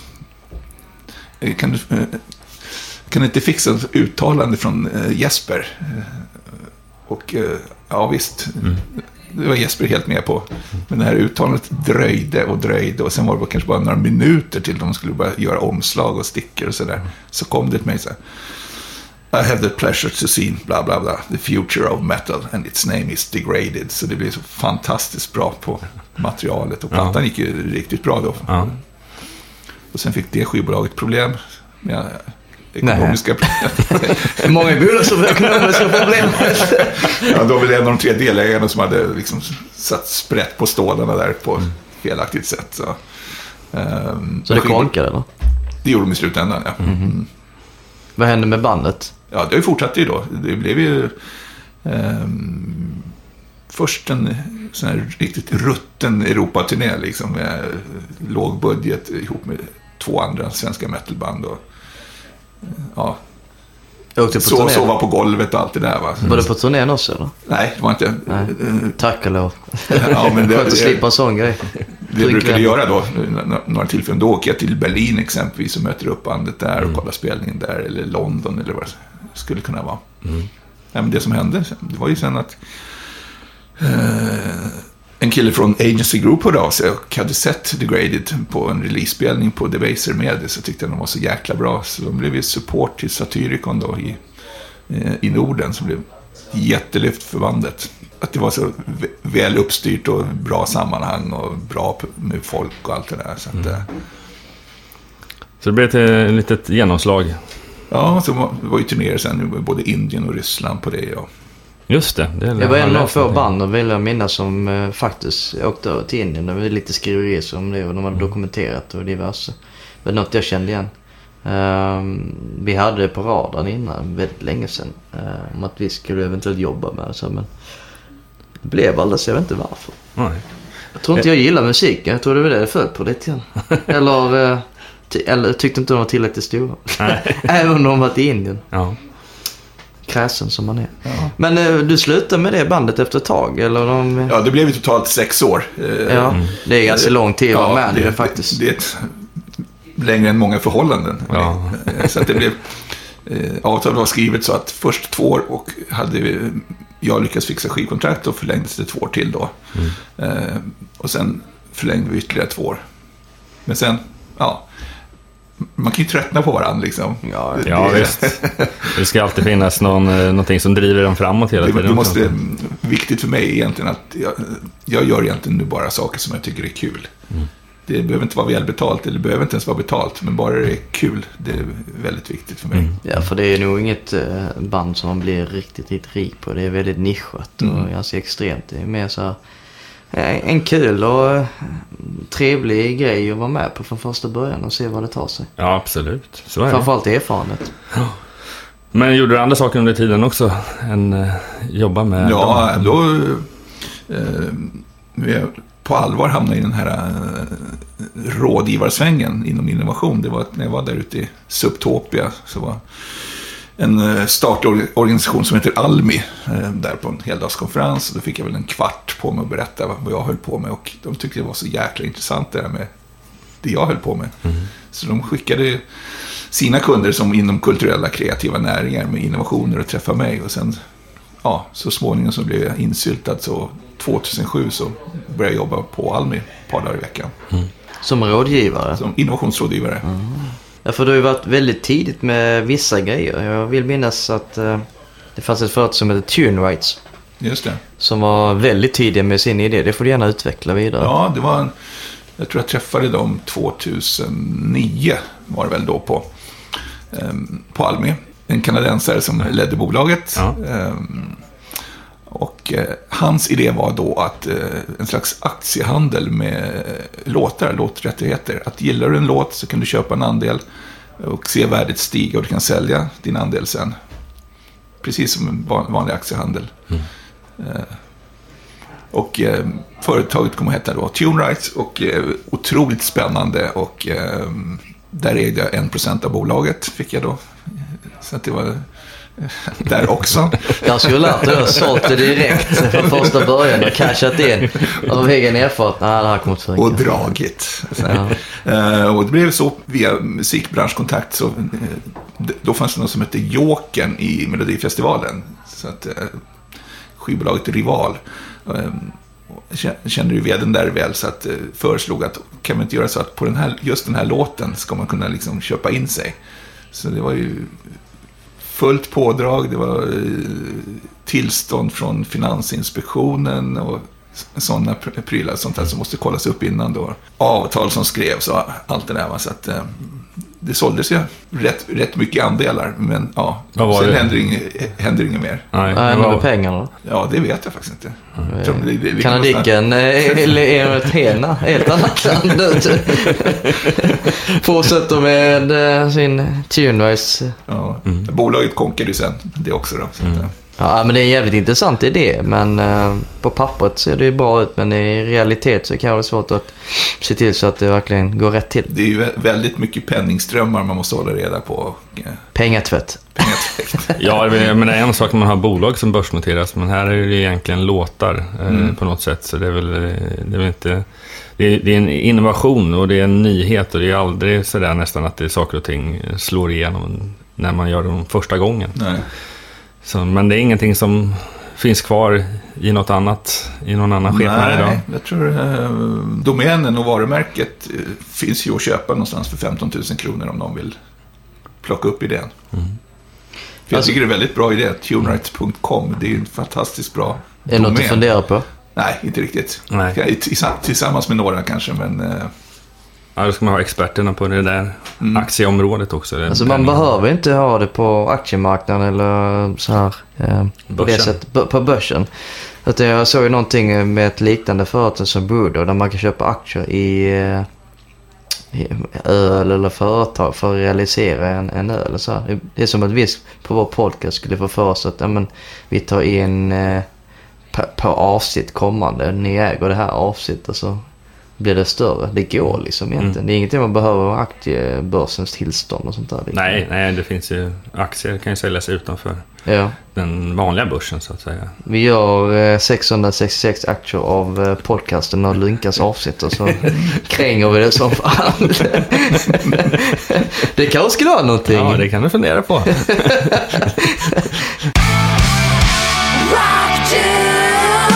Ja, Lunkan, du jobbar också väldigt nära med en festival. Faktiskt eh, Europas största. Wacken eh, Metal i Tyskland va? ja, Wacken Open Air. Wacken Open Air, förlåt. Yes. Och, eh, vär- världens största festival. Det är det va? Till och med världens. Ja. Vad, hur många personer är det som går på den här Eh, festivalen? 75. Tre, 75 000. tre dagars Tre dagars. biljetter. Och det är alltid slutsålt. Så Ja, fort, nu eh, sålde de slut eh, på 20 timmar. De släpper biljetterna precis efter festivalen, natten mellan söndag och måndag. Det tog 20 timmar, men det var, året innan tog det bara 12 timmar. sä- sälj- De har inga band släppta heller va? Ja, de har kanske 8-10, men det behöver... Det Det, spelar bara väl en ingen roll. bråk. det spelar ingen roll, folk är där för festivalen. Vad är anledningen till att då folk köper det precis efteråt? Är det för att de verkligen vill få tag i biljetter? Jag har aldrig hört det att en festival precis som avslutas, sen 20 timmar senare så är det liksom slut för nästa år. Det går inte att få tag på fler biljetter. Är det för att det är rabatterat pris kanske? Eller är det early Det är väl, eh, eh, jag tror 10 000 av de här 75 är en slags julpaket och man får några tröjor och grejs också. Då. Eh, jag tror inte de är billigare, utan man får lite mer prylar bara. Ja, för det är, eh, ingen, det är inga billiga biljetter direkt alla gånger vad jag vet. Ett par tusenlappar. 1800, 1900. Men, mm. Och som sagt, de första 10 000 är slut på en timme, klockan ett på natten. Och sen går de, växlar de över till de ordinarie biljetterna. Fast om vi vill gå in så myglar vi in oss i, eh, bakom på något sätt. Det Ni- tror jag. jag tror ni- inte... Ni kan ta rygg på mig. Ja, men i, i och med festivalen i sig så um, jobbar du lite grann med dem nära i form av en tävling, kan man säga det? Ja, en eh, alla hårdrockstävlingars moder kan man säga, Wacken Metal Battle. Och det uppdraget fick jag 2009 när jag då jobbade med Degraded och de gjorde en förlagsstil med Wackens förlag, Enorm Music. Då fick jag också frågan i den vävan om jag ville dra igång Wacken Metal Battle i Sverige. Som inte hade funnits i Sverige tidigare. Nej. Så den här tävlingen finns i 30 länder eller territorier över hela världen. Vad vinner man? Eh, I början kunde man vinna eh, ett skivkontrakt med Nuclear Blast. Eh, allra först var det med Wackens eget skivbolag. Eh, sen Nuclear Blast och nu är det, nu är det mer kanske Marshall, kylskåp och musikinstrument. Då. Och sen två år eh, är det också att de fem första banden vinner priser. Förut var det bara en totalvinnare. Får man spela på festivalen om man vinner? Då? Eh, så var det tidigare. Att Men inte nu längre? Eh, ja, alla, eh, vinnarna i de här 30 länderna, 30 territorierna, de får ju då mötas på, på Wacken Open Air under två dagar. Ja, det är någon sluttävling. Det är sluttävlingen då, ja. Som nu senast, det var band från eh, Centralamerika, Mexiko, Uruguay, ehm, Kina, Japan, Indien, Sverige, Norge. Så det finns en egen scen för Wacken-tävling på själva Wackenfestivalen? Ja, det är, det är ett gigantiskt tält som heter Bullhead City Circus. eh, Med två tvillingscener. Eh, Så att det är bara fem minuter, fem minuters changeover mellan banden. För Bakom ridån så byter de, de har tror jag, tre trumset på varje scen. Så att det liksom går väldigt fort allting. Hur långt set får de spela? Eh, 20 minuter. 20 minuter? Mm. Så det, det gäller att leverera när man kanske har åkt från Kina. Verkligen. då får det inte strula, då måste man liksom leverera under 20 minu- minuter. Och de flesta banden, eh, de fattar grejen väldigt bra. Fast det något svenskt band som vunnit tävlingen då? Nej, som närmast. Eh, förra året så kom Convivium från Smedjebacken, Dalarna, femma. Eh, det första året, då, men de hade de fem första som, eh, som vinnare. Och två år dessförinnan eh, så eh, var Frantic Amber med. Då hade man bara en etta, men eh, de blev fyra totalt faktiskt. Och det är bra. Och och då hade Nuclear Blast, som då var med i juryn, hade de som tvåa till och med. Men din roll i det hela, kan det vara så att du väljer ut banden som går med på deltävling från Sverige då? Eller hur Ja, det? då samarbetar jag med eh, Sabaton Open Air, eh, Jonas Asplind. Så att, eh, som i år exempelvis, då fick vi väl 156 bidrag. Så då åker jag upp till Falun, sitter med Jonas och lyssnar på 156 låtar. Inte hela... Inte hela inte- alster, men... inte- inte- och väljer ut, eh, då väljer vi ut 16 band som då får mötas i fyra samtidiga deltävlingar som det var sist nu då. Det var i Boden, Stockholm, Göteborg och Falun samma dag. De har alltså fyra vinnare samma, eh, eh, den, den lördagen och de fyra möts i en Sverigefinal som var då i Gävle på påskafton. Så utav alla de här banden då som har vunnit eh, respektive år, eh, är det någon som har fått en, eh, en, en lång karriär om man säger så? Eh, de känner de igen som- någonting? Ja, jag ska säga Battle Beast från Finland. Har de har vunnit? Ja, de vann. Det går jättebra för dem. Ja, Jaha. det var 2010 och det var första året jag arrangerade tävlingen och då sitter jag också i juryn, eller snarare står i juryn. För man får ju stå där, det liksom finns inga sittplatser i det där tältet. Ehm, och jag hade dem som vinnare också det året. Och eh, det var ju grymt kul, jag tyckte de var bra då och jag har sett dem ett par gånger efteråt också. Jag såg dem eh, dels i Stockholm på, nu ska vi se vad det var, något, Mosebacke, scenen. Väldigt intressant faktiskt. Men dessförinnan så hade jag sett dem för två år sedan i Tokyo. På en eh, konferens, men det var öppet för allmänheten själva spelningen. Och jäklar vilket, det var typ vad det kan, 500 galna japaner som headbangade och alla kände till det och eller, kunde texter och allt. Jag fattade ingenting, visste knappt vad det var för någonting. Nej. Vad är det? Ett finskt band som heter Battle Beast. Aha, det var lite fyndigt. Och nu har de signat till Nuclear Blast så att eh, det går mig veterligen jävligt bra för deras eh, karriär faktiskt. Mhm. Kul. Mm. Och det var det kul att vara i den juryn och ha dem som vinnare. Men då var det någon, eh, var det, då har de en fantastiskt välbesökt presskonferens i det här stora presstältet och det är adrenalin så det sprutar när alla de här 30 banden ska få reda på vem av dem som är vinnare då. Så att, eh, och så säger de, vinnare är Battle Beast från Finland. Och då är de inte där, för de hade liksom fått fel tidsuppgifter. Då var de på väg till flygplats. Det var ju en bummer. De måste ha varit ganska tyst eh, bland de andra då, eller? Ja. Precis. Är lite roligt. Men årets vinnare, vilka var det då? Årets vinnare var ett band från Kanada som jag faktiskt glömt bort vad de heter. Eh, Jag hade inte dem som vinnare. Min, eh, min favorit var bandet från eh, Middle East, eh, från Libanon, som heter Black Lyum. Okej. Ehm, Vad spelar de ja, på? eh, ja, Låter det- väldigt det- black metal. Ja. Det, det är väl, eh, ja, lite black döds och sen har de, har de en snubbe som spelar tabla, trummor på- scen också. Man hör den här eh, Mellanöstern-soundet, eh, anar man där i bandet också. Jag tycker det var jäkligt grymt. Mm. Coolt. Ja, men det här är jättehäftigt. Så att, eh, då får du agera lite grann som en tävlingsjury till viss del. Mm. I alla fall att plocka fram artister som får med på deltävlingarna i sig. Men sitter du med i juryn varje år i, på själva finalen? Eller? Ja, det gör jag. Mm. Eh, däremot inte i Sverige, för där vill jag ha Det var, det är, eh, olämpligt eller oetiskt. Så Ja. att välja ut En jäv situation kanske om Ja, sitter själv där. visst. Det är liksom och, eh, nu är man fortfarande kompis med alla de här 50 156 banden, eh, typ. ja. Eh, nej, men det, däremot internationella juryn. Sen var jag, i år så var jag i Lettland, satt i den juryn. Då ville de ha en internationell representant, så att då gick deras kulturdepartement in och pröjsade ja, Mm. mina kostnader, flyg och sådär. Så att de vill... För Lettland är lika stort som Stockholms län, det är 2,2 miljoner invånare. Ja, ja. så man kan, där kan man säga att alla känner alla. Ja. Så då, då kommer jag in som egentligen, jag känner ingen. Nej, precis. Eh, Och då väljer du en jury i Sverige då? Alltså Mm. handplockar folk med spetskompetens inom hårdrocken och så får Ja. de säga sitt eh, tycke och... Precis, en mix av eh, mediafolk, musiker, skivbolag, bokare kanske. Mm.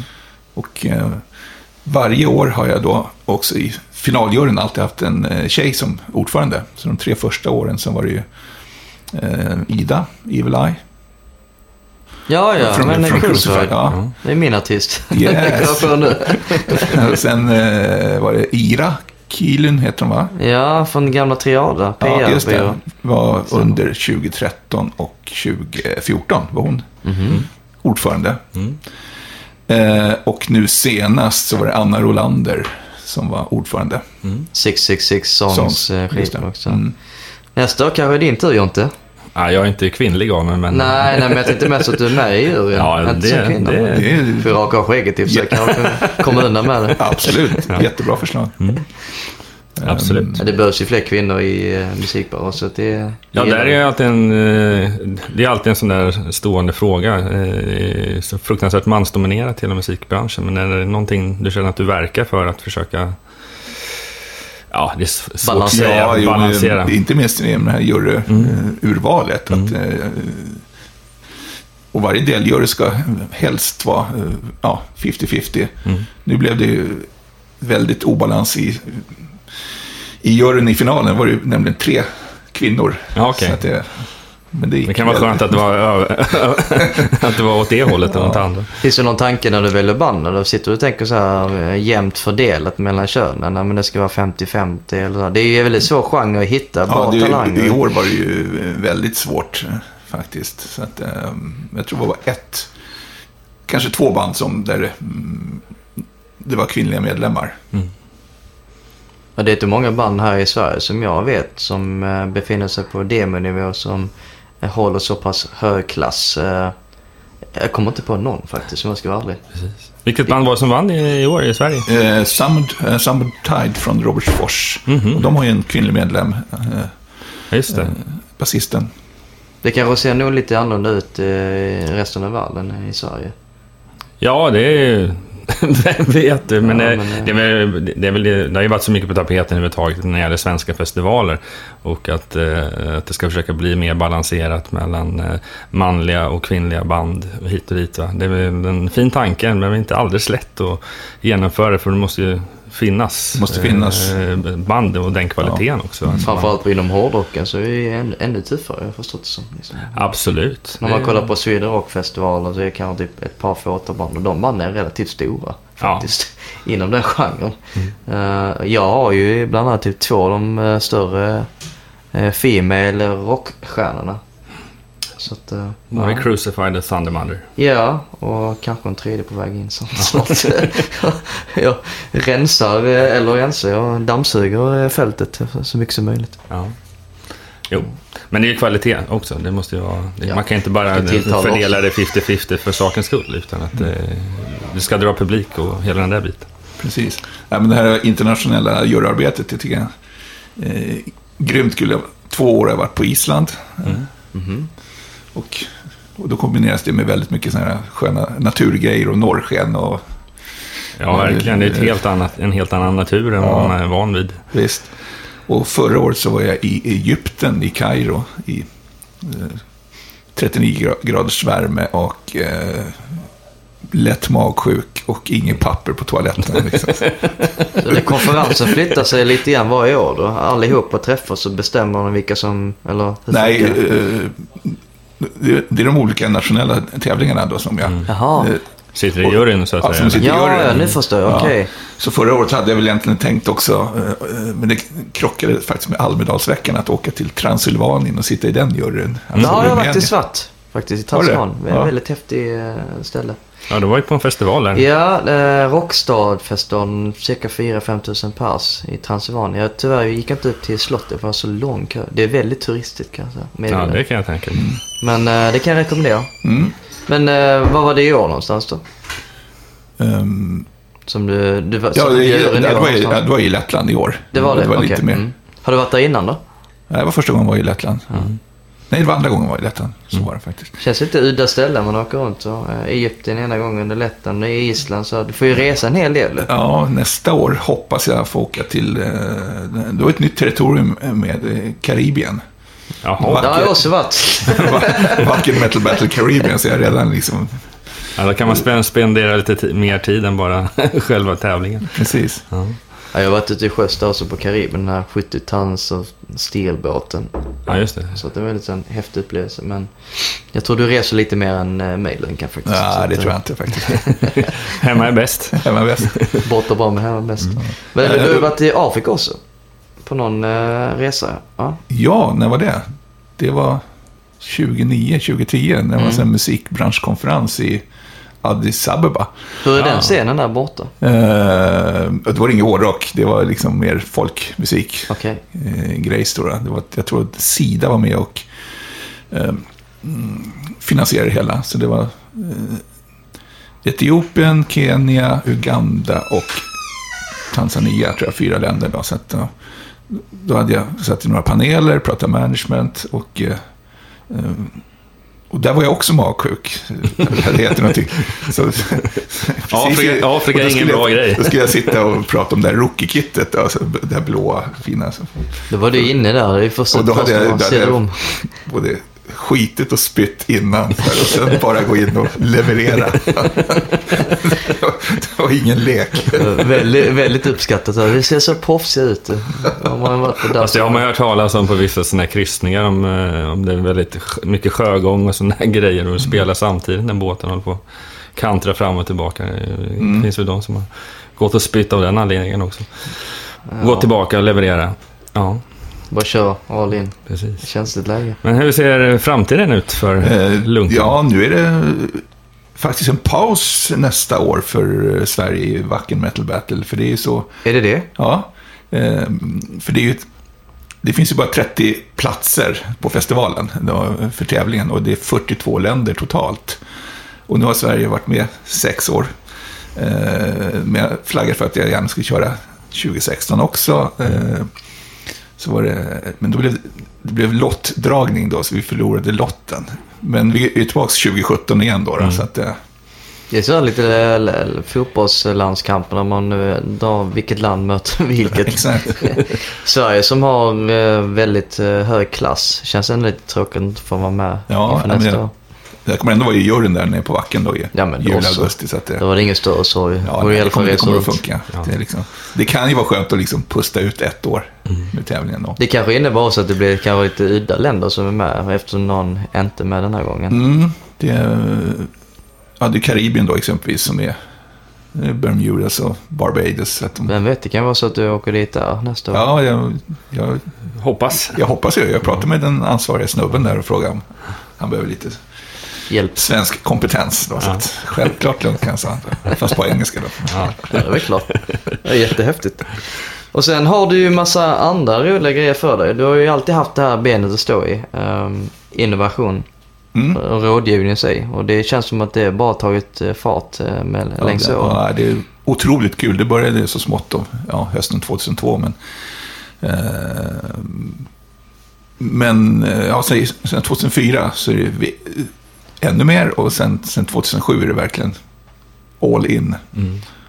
Och då träffade jag dem eh, numera via en organisation som heter Startup Stockholm som är både offentligt finansierat, Stockholms stad, Länsstyrelsen och så vidare och två privata aktörer.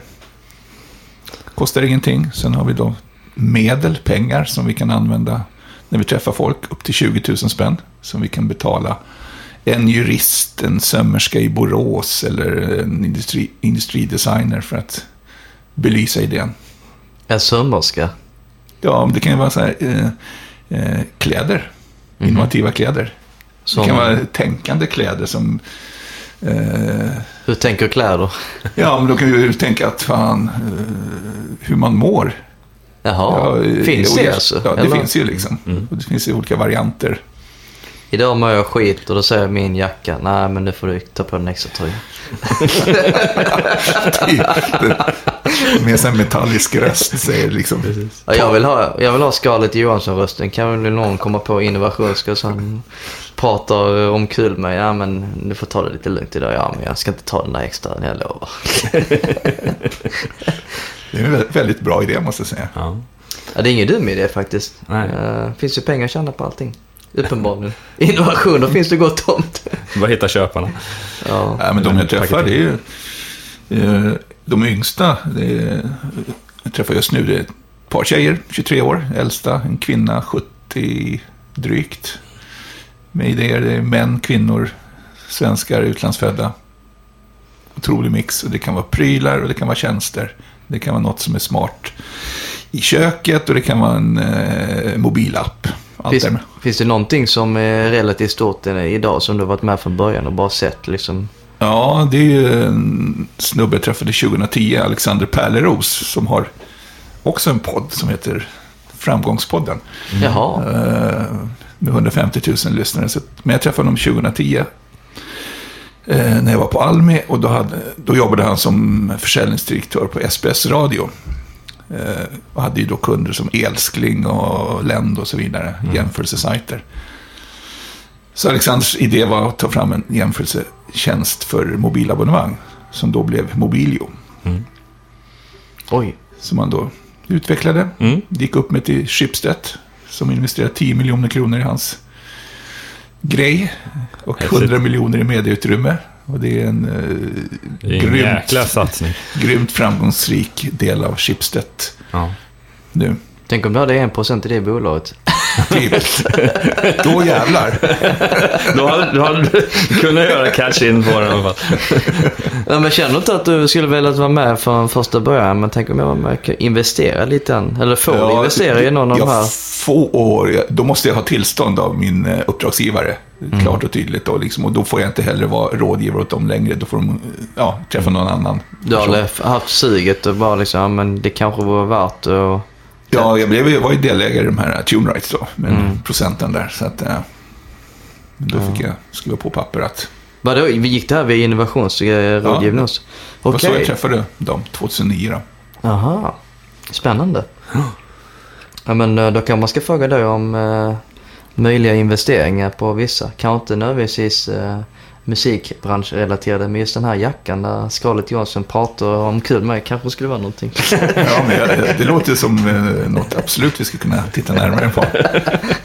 Jag inte hänger du med? Verkligen. Men vad är det du jobbar med just nu? Är det någonting som du verkligen har gått igång på? Vad det än kan vara. De två kanske roligaste. eller, eh, Ena är några som heter Koda Rica som jag träffade eh, hösten 2013. Tre unga tjejer då som deras koncept är att lära barn att koda från typ tre år och uppåt. Jaha du. Mm. Så jag träffade dem 2013, sen, eh, första gången då. Och sen har de varit hos rådgivning hos mig. Sen hamnade de i Los Angeles hos Disney som investerade 120 000 dollar i deras företag. Hur gick det till? Vet du det? Eh, Så det känns som ett hur, jättesteg. Eh, hur det gick till? Ja, Ja. 2000, vad var det? I april förra året så hade Kodarica-gänget eh, fått nys om den här, eh, en accelerator som det heter, Disney Accelerator. Eh, dit man kunde söka och eh, mm, då skrev jag en rekommendation. De frågade kan Lundh kan du skriva en rekommendation, vilket jag gjorde, som jag laddade upp på Disney-sidan. My name is Janne Lundqvist and I had the pleasure to work with. Ja, allt det där. Ehm, och det var tio som skulle antas då från hela världen. Och ehm, det blev åtta från USA som antogs, ett från Japan och så var det Costa Rica från Stockholm. Mhm. Som hamnade då under tre månader hos Disney. Då, och, eh, ena tjejen då, eh, Sanna Nilsson. Långa dagar med att pitcha för investerare och eh, Lovisa, marknadschefen, pratade med olika utbildningar. Lanserade de sin app också, CodeQuest, i oktober förra året. Som har haft 350 000 nedladdningar. Shit, det är häftigt. Och förra året så vann de också Stockholms stads innovationsstipendium på drygt 85 000 spänn då, i sin kategori. Kulturella, kreativa näringar. Så någonstans i USA i, i Disneys eh, lokaler finns det treåriga barnkodare. Barnarbetare. Ja, men det Känns finns- inte riktigt som om eh, det är legalt det, kod är ju ett språk som svenska eller engelska eller Ja, exakt. turkiska eller whatever. Allting är utbyggt på matematik och siffror nu så Mm. att det är väl bara liksom en extension av, av det hela. Ja, exakt. Det är ingen dum idé faktiskt men eh, Ja, Det kan ju vara dessutom i slutändan kanske en innovation inom just eh, utbildning eller lärande. Att hitta andra sätt att alla barn är olika på vad de triggas på. Och som sedermera gör dem att de är duktiga på att lära sig saker. Det kan ju säkert vara en bra grej. det är jävligt häftigt. Och vad, vad var det andra då? Som, Eh, två systrar, Hedje Asadi, född i Teheran och Hasti Asadi, född i Huddinge. Så de kom ju, eh, föräldrarna flydde hit då i 84 måste det vara tror jag. Eh, deras idé är då, Hedje är läkare och eh, Hasti, lillasyrran, är då handelsekonom då. Deras idé är intimdeodorant för kvinnor. Så, eh, som de tagit fram och lanserat eh, framgångsrikt. Eh, lanserad, träffade väl dem i slutet av 2012 första gången. Så 2013 lanserade de den här intimdeodoranten. Vad innebär intimdeodoranten? Eh, det är de där södra regionerna. ja, ja, det förstår jag. Ja. Men att det luktar bättre då eller? Ja, den är liksom framtagen av eh, testad och allt det där. Va? Så att eh, den är mildare. Och... Sen har de tagit fram för män också. Kom i maj i år. För nedre regionerna? Mm. Jaha, Och kanske då, det var och, någonting. då, Testa, och, och då som innovationsrådgivare, då får man ju sitta där med... Um, testa produkterna också eller? eller? ja, testa Lunkan, vilken doft eh, tycker du är bäst? Ja, eller Hawaii-doften. eller eh, kokosnöt. Nej, men det, det, är Ja, så, men det, det, det, ja, det, det är jobbet som innovationsrådgivare, en liten ask. Ja, men det, det- det skiljer sig åt väldigt mycket. Ja. Känns ju en rena pengamaskin där. Det finns ju hur mycket dofter och smaker som helst. Det är liksom bara nästa månad kommer en helt annan. Men vad, blev, vad var din roll? Eh, Du var ju in- ja, Ja, informationsrådgivare, jag, men... Man kan säga att eh, jag är en sån här coach eller kartläsare. Veta vad som, vad som finns där ute, olika möjligheter och kontakter och kunna också använda de här eh, förstudiemedlen då för att i Costa Ricas fall fick de ju prata med en jurist, de fick prata med ett teknikföretag också. Man kan säga ett kodningsföretag, få, hjälp därifrån. Det bekostade en film som de gjorde i Los Angeles åt Costa Rica. 30 sekunders ja, reklamfilm. Mm. Så det hela handlar om att eh, du i sin tur via företag som du representerar har en, en pengapåse och i sin tur expertis. Så du hyr in olika folk så hjälper dem realisera sin, eh, sin idé. Mm. Och sen blir det förmodligen framgångsrikt i många fall. Många fall. Förhoppningsvis. Man kan säga i slutändan så är det teamet eller personen själv. Det är det som är avgörande. Mm. Eh, jag, jag kanske kommer med lite smörjmedel. Precis. är Pusha, det pusha dem i rätt riktning Ja, det är teamet som är helt, helt avgörande. Och det är statliga pengar vars mål är bara att se till så att det Ja. kommer fler företag ut i marknaden. Yes. Okej. Så vem som helst kan ansöka om det här eller? Ja. Alla får ju inte de här, säger vi säger Nej, 20 nej, 000, utan det är... Eh, oftast gör man en liten smygstart, bara, bara kolla, eh, som vi bekostar då. då så att, eh, Så maxbeloppet är 20 000 men å andra sidan så sitter du med massa erfarenhet, expertis och kontakter så att i vissa fall kan det vara värt mycket mer än så. Än Ja, själva bara pengarna. Mm. Alltså 20 000 kommer man ju inte långt med men eh, Sen finns det 20 000 till. Eh, De första 20 000 är jag som enskild rådgivare som har mandat att besluta om. Är det ett hett projekt som säger Deodoc och eh, Coda Rica så lyfter det en nivå så får jag mina kollegor titta på det, mina tre kollegor och får jag då eh, yes från eh, minst en av dem så är det 20 000 till. Spännande. Ja, verkligen. Sen eh, har vi upptäckt en helt annan grej att du är hälften människa och hälften robot. Ja, en Så det är inte en utveckla. Cyborg Lunken. jag har en kontorsplats på något som heter Epicenter mitt i centrala Stockholm. Ett coworking space. Då, så att för 1900 spänn i månaden så har jag tillgång till, eh, till en plats. Eh, ingen fast plats utan jag tar den som är ledig. Ehm, och där har jag tillgång till ja, sju dagar i veckan, 24 tim- timmar om dygnet. Och eh, där kan man, om man vill, och det ville jag, få en, ett mikrochip i handen så att du kan öppna dörren till Epicenter. Det är verkligen någonting man pratade om för många år sedan. Om det där. Och nu är det Tänk- verklighet. Ja, nu är det verklighet. Nu är vi där. Har du för nytta av det förutom att öppna dörrar? Så vad kan man ju mer göra med chippet Ja, jag kan ju liksom öppna upp eh, printern där. Så att när jag skrivit ut någonting så vill jag ju inte att pappren ligger där och dräller. Utan då går jag fram till printern, sätter min hand, the magic touch på printern. Då kommer mina dokument ut. Mm. Jag kan också lägga in mina kontaktuppgifter i handen, i chippet då. Så att... Eh, Som, jag vis- som visitkort? Typ, Som visitkort. Okej. så det är bara klick, så har ni dem i era telefoner. Eller så kan vi eh, koppla upp vår mobiltelefon och se var du befinner dig i realtid. Precis. Finns ju den möjligheten också. Vi- Vingla runt på Anchor. Vad fan är Lunkan? Ska vara här nio på morgonen för den här podcasten. Nej, man är på McDonalds här på Stortorget. Där ser jag. Ja, det gick ju till så att det, jag- jag stod på listan för att jag skulle få det där eh, inopererat i handen då. Det är stort som ett riskorn. Eh, Men de hörde av sig för en ja, början på augusti. Berättade att turkisk tv var på gång i stan, i Stockholm. Deras typ vetenskapens värld skulle, de, skulle handla just om implantat och mikrochip i kroppen och sådär. Ehm, Så de ville ha en person som de kunde intervjua och se Hur när själva, när, hur operationen gick till. Så att, eh, träffade dem på ett piercingstudio på Horsgatan, Stockholm. Så de filmade och fixade och eh, den där brittiska reportern, det är en eng- engelskspråkig turkisk kanal, hon hade ju en lugnande effekt på mig, en väldigt så här trevligt brittisk.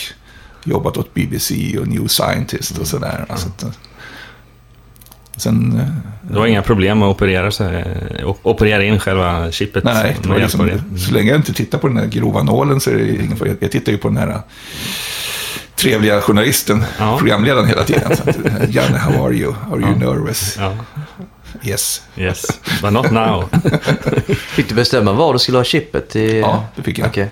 Jag valde högerhanden för att... äh, Du är högerhänt eller? Ja, för att... Äh, den där... Äh, vad heter det? Lås, låset är på höger sida när man kommer in.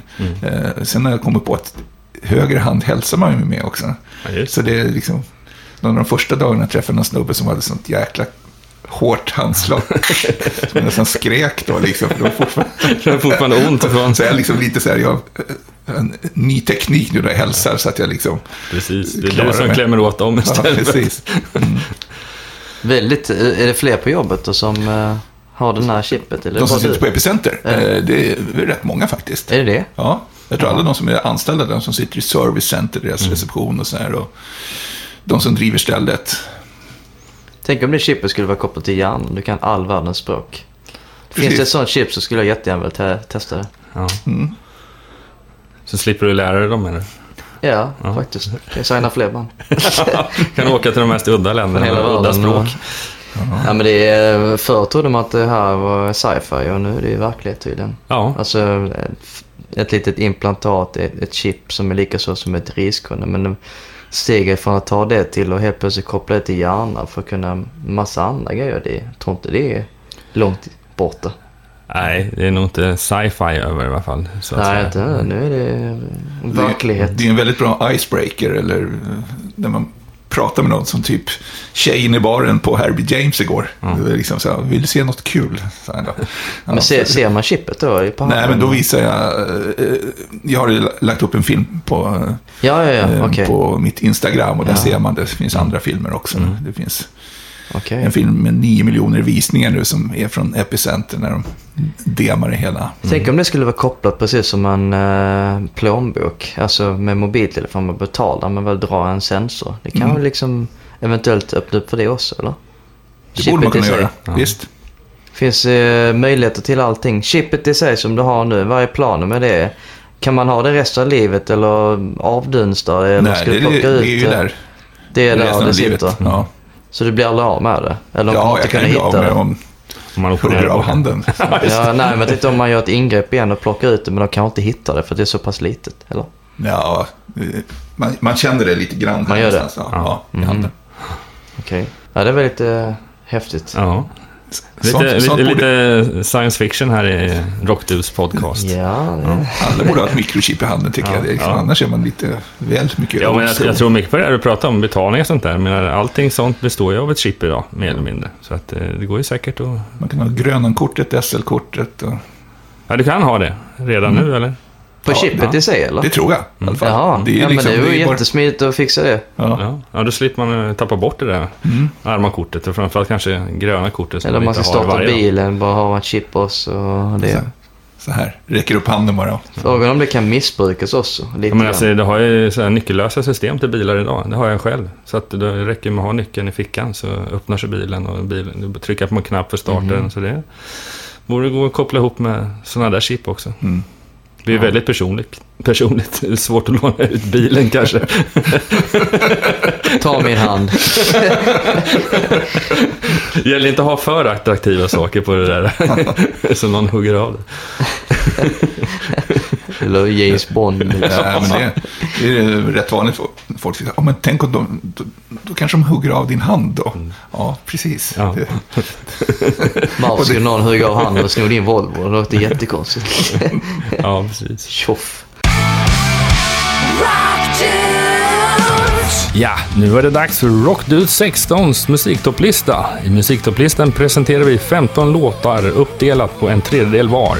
Vår eminenta gäst Lunkan inleder med sina fem låtar och därefter kommer Jonas och Ömer att presentera sina. Musiktopplistan kommer att publiceras via vår Spotify-profil och hemsida rockdudes.se.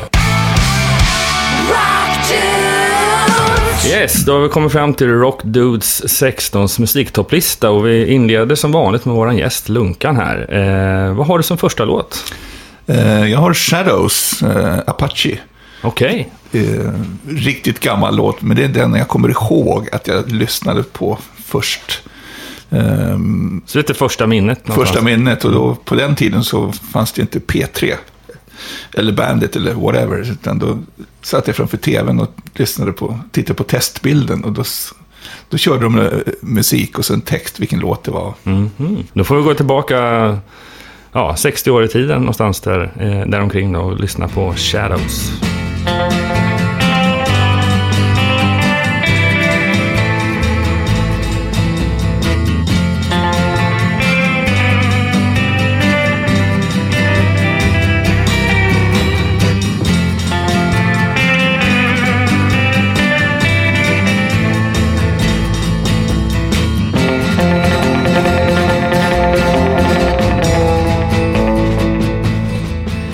Yes, Lunkan, då tar vi din andra låt. Eh, det? det? blir The Who med eh, Won't Get Fooled Again.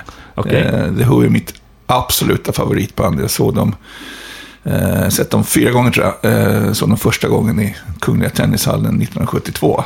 Och det var eh, får faktiskt gåshud bara jag tänker på hur jäkla bra det var. Liksom. Jag pratade om det i plugget liksom, månader efteråt. Ja. Det var liksom det som verkligen grundlade mitt intresse att se band. Häftigt. Ja, då får vi lyssna på en liten bit av det.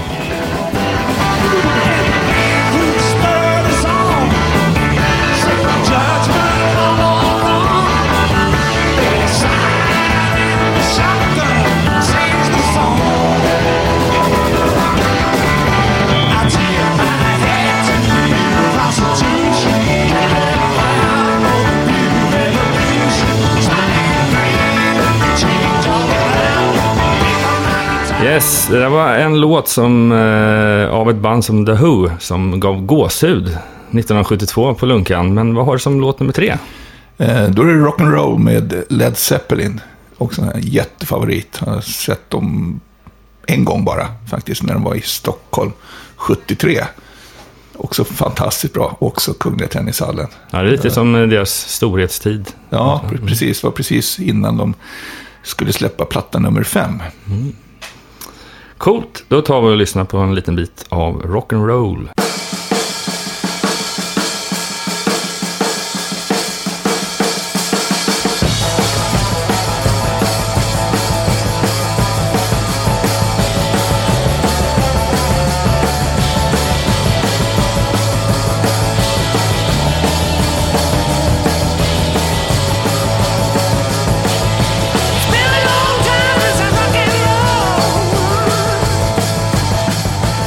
Yes, nu har vi kommit till din fjärde låt. Vilken blir det? Det blir Ramones och eh, Blitzkrieg Bop. Okej. Eh, jag, hade, jag gillar punk också, så mycket Ramones, Clash och liknande. Eh, och just den här låten, eh, när jag skulle bli anställd av de här italienska Vitaminic. Eh, när jag hade möte med dem i Amsterdam. Eh, Adriano Marconetti, låter som något från Gudfadern. Visade sig sen att eh, efter fem minuter kom vi fram till att han var ju också Ramones-fan. Helt grymt. Så det är liksom... Eh, sen någon vecka efteråt fick jag ett mail där det stod Hey ho, you're hired. det var passande. oh,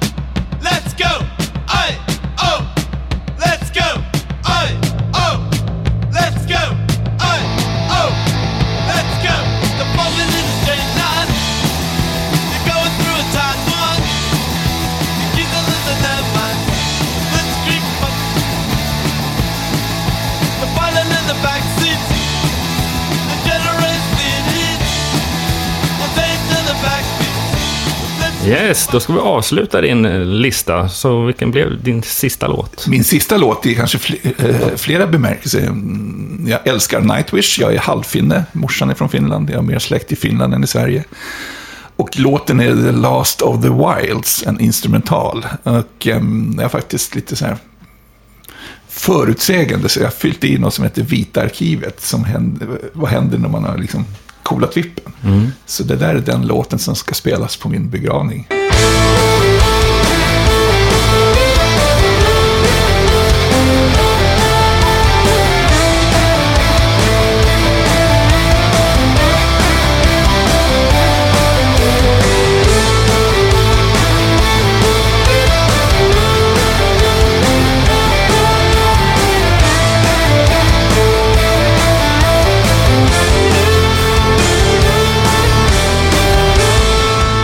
Då har vi kommit till eh, Jontes topp 5 och fan vad kul Jonas. Du har faktiskt en låt som jag har släppt ganska nyligen.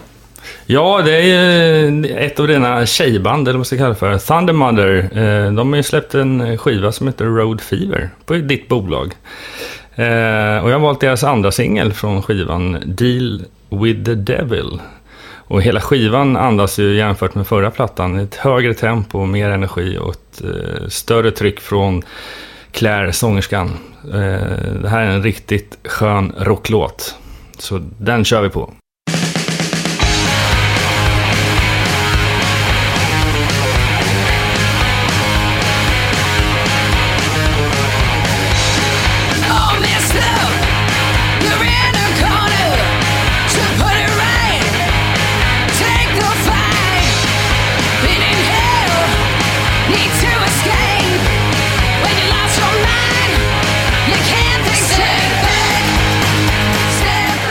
Back. Låt nummer två, Ständigt återkommande spöken. Ja, svenska, jag vet inte vad man ska kalla dem för egentligen, men eh, svenska metalbandet Ghost. Eh, de har ju rätt nyligen släppt en singel från deras senaste album eh, Emeliora Meliora som heter He Is och det är ju typ en ballad. Väldigt stämningsfull, kan tänka mig det riktigt häftigt live. Så nej, det är bara att lyssna och njut.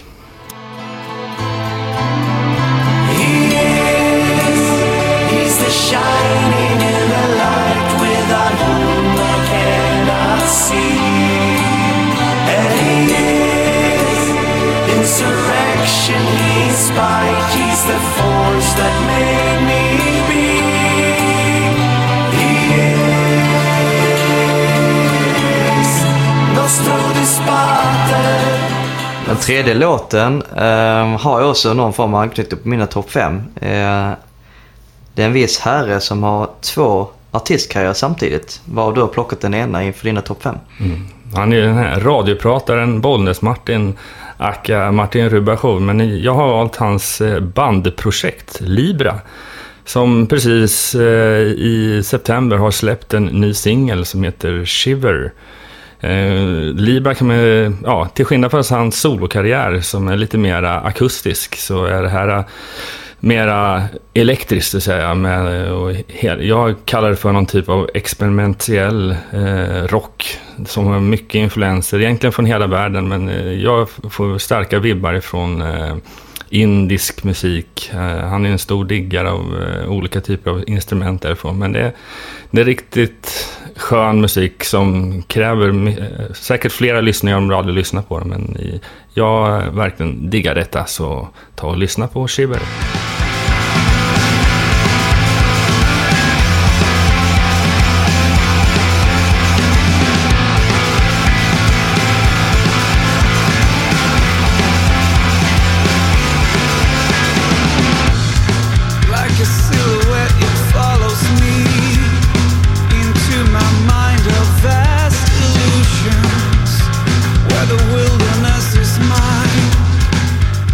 Fjärde låten har vi gått vidare till England av alla ställen. Ja, lite New British Heavy Metal. Eh, form av, det är ju stora giganters år i år. Och det, den fjärde låten har valt Iron Maiden och en eh, herrejösses lång låt som heter Empire of the Clouds. 18 minuter lång från den nya skivan The Book of Souls. Den är också lite ballad, balladig. Väldigt mycket eh, olika riffs som eh, bryggar över till varandra och eh, jag tycker faktiskt Bruce sång är riktigt grym i den här. Kanske lite lång. Det känns nästan som det vore flera låtar, men nej, men de håller riktigt gott mått med sin nya skiva. Så ta och lyssna på den här låten.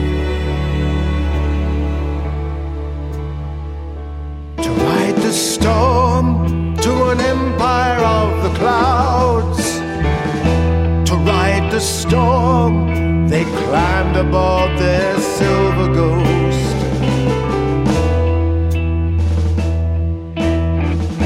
To ride the storm to a kingdom that will come. Sist men inte minst har vi lite hederlig trash. Ja, lite Slayer-thrash till och med. Eh, de har ju alltid gjort mycket skivor längs åren, men eh, det har aldrig varit någonting som jag riktigt har fastnat för. Men deras nya skiva Repentless eh, är riktigt grym. Den är tillbaka till sina rötter. Det är egentligen tillbaka till Rian Blood och South of Heaven-stuket. Och jag har valt en låt som heter Wises, som verkligen är en riktigt bra låt som visar vilket, ja, hur hela albumet låter. Så nu kör vi!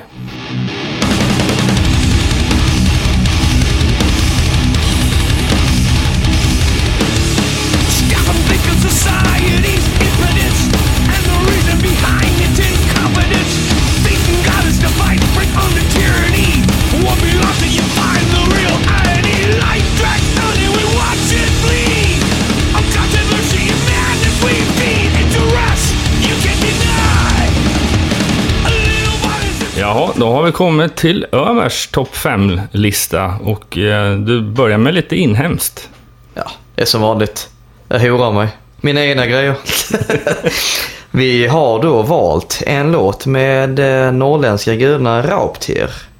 Inför deras kommande platta som släpps i februari så har vi fått en låt redan nu. Som är ute till allmänheten. Den heter Den sista kulan. Hedlig, traditionell Rauptir-stuk. Jag har ett särskilt litet trick. När sista smällen blir ett klick. Den dag mitt uppror är förbi. Och det är dags för min sorti. Ni har mest burit mig på allt. Ja, det var riktigt pansarrock med Raubtir. Vad har du valt som andra låt? Den andra låten är lite mer otippad för att eh, det är inget direkt stort band. Men de kommer i alla fall från Norge och det är ju black metal. Vraid heter de. Det är en eh, låt som heter Haust ifrån samma titelalbum, Haust. Den tycker jag folk ska lyssna in och, eh, och framförallt eh, uppskatta den här sorts eh, genre som eh, jag känner borde bli större än vad den är. Framförallt det här bandet, Vreid.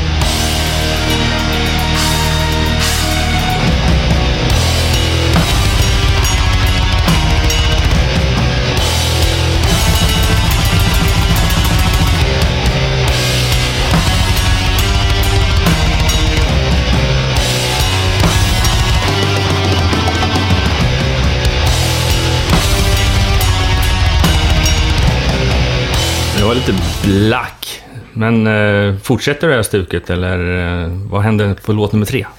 Det är, det är en liten hype för tillfället med ett visst eh, band, eller band, det är bara en person i, i själva bandet i sig. En, en tjej från Danmark som heter Myrkur.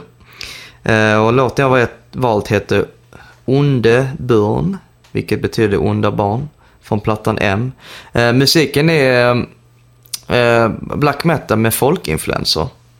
Och det är både cleant och eh, skriksång. Det kan jag rekommendera faktiskt.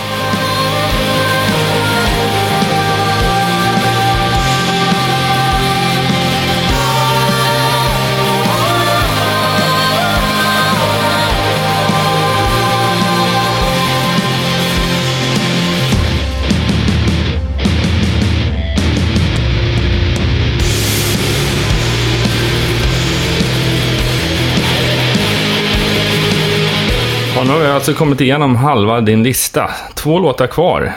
Vad kör vi nu? Nu kör vi ett Stockholmsband. Casablanca tillbaka. Släpps en platta. Om en månad faktiskt. Eh, Miskatonic Graffiti heter skivan och låten jag valt är Closer. Och det här är då ett litet eh, kändisprojekt kan man väl eh, konstatera. Med Anders och eh, Mats och en, en viss dam från Sarah Hotnice. Ingen namn nämnda, får ni lista ut själva. en eh, helig, eh, rockig låt.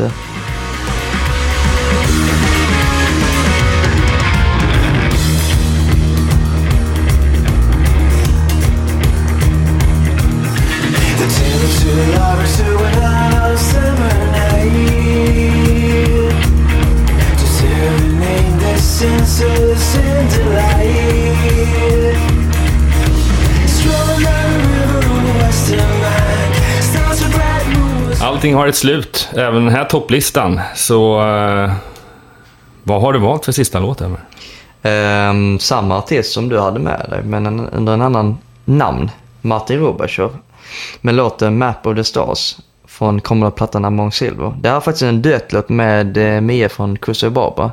Lite teatralisk eh, popdänga fast ändå åt singer-songwriter-hållet. Uh, den, är, den är väldigt speciell för mig.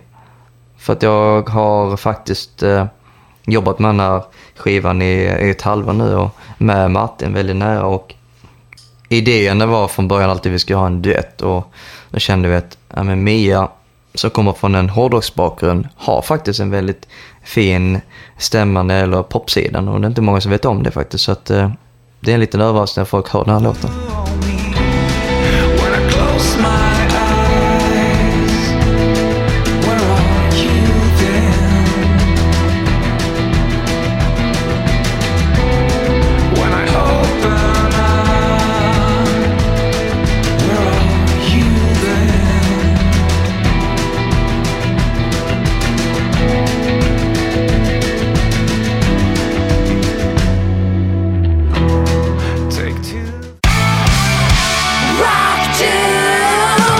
Yes, nu har vi kommit till slutet på Rock Dudes 16 och en fantastiskt fin eh, återgiven berättelse om hela din karriär här Lunkan. Får tacka så jättemycket.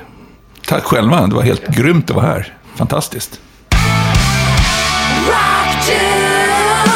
Ja, gott folk. Nu har du alltså fått lyssna på Rock Dudes 16 som den här gången gästades av Janne Lunkan Lundqvist. Återigen har vi både fått haft en riktigt rolig stund men också en lärorik. Kul när sådana här erfarna människor vill dela med sig av sina stories och sina erfarenheter till oss andra. Musiktoppslistan du hörde i slutet av programmet hittar ni under vår Spotify-profil och vår hemsida rockdudes.se. Och glöm inte bort att följa oss på sociala medier på Facebook, Instagram, YouTube och Twitter. Sök på Rockdudespodden. Skriv gärna lite kommentarer där, eh, vad ni tycker om programmet och vilka idéer och gäster ni tycker att vi ska presentera i framtida program och egentligen bara lite stort som smått. Så in där på våra sociala medier och skriv av er. Vi vill såklart tacka våra sponsorer SE Electronics och J-Leaf IT Media. Vignettmusiken du har hört under programmet är inspelad av Jonas Hermansson, Peter Månsson och frontkvinnan i Crucified Barbara, Mia Coolheart. Programmet spelades in av Jonas Löv och redigerades av Endigo. Vi vill även tacka just er för att ni har lyssnat på Rockdude 16 med mig Jonas Löv och sidekicken Ömer Akai. I nästa avsnitt, Rockdudes 17, så kommer vi gästas av Per Kviman. Han driver idag bolaget Versity Music och är bland annat manager för det svenska bandet Backyard Babies. Det är verkligen en herre med många stories genom hans långa karriär och eh, inom musikbranschen. Så att det får ni absolut inte missa. Rockdisc 17 kommer att släppas den 30 oktober. Ha det riktigt king tills dess. Rock on!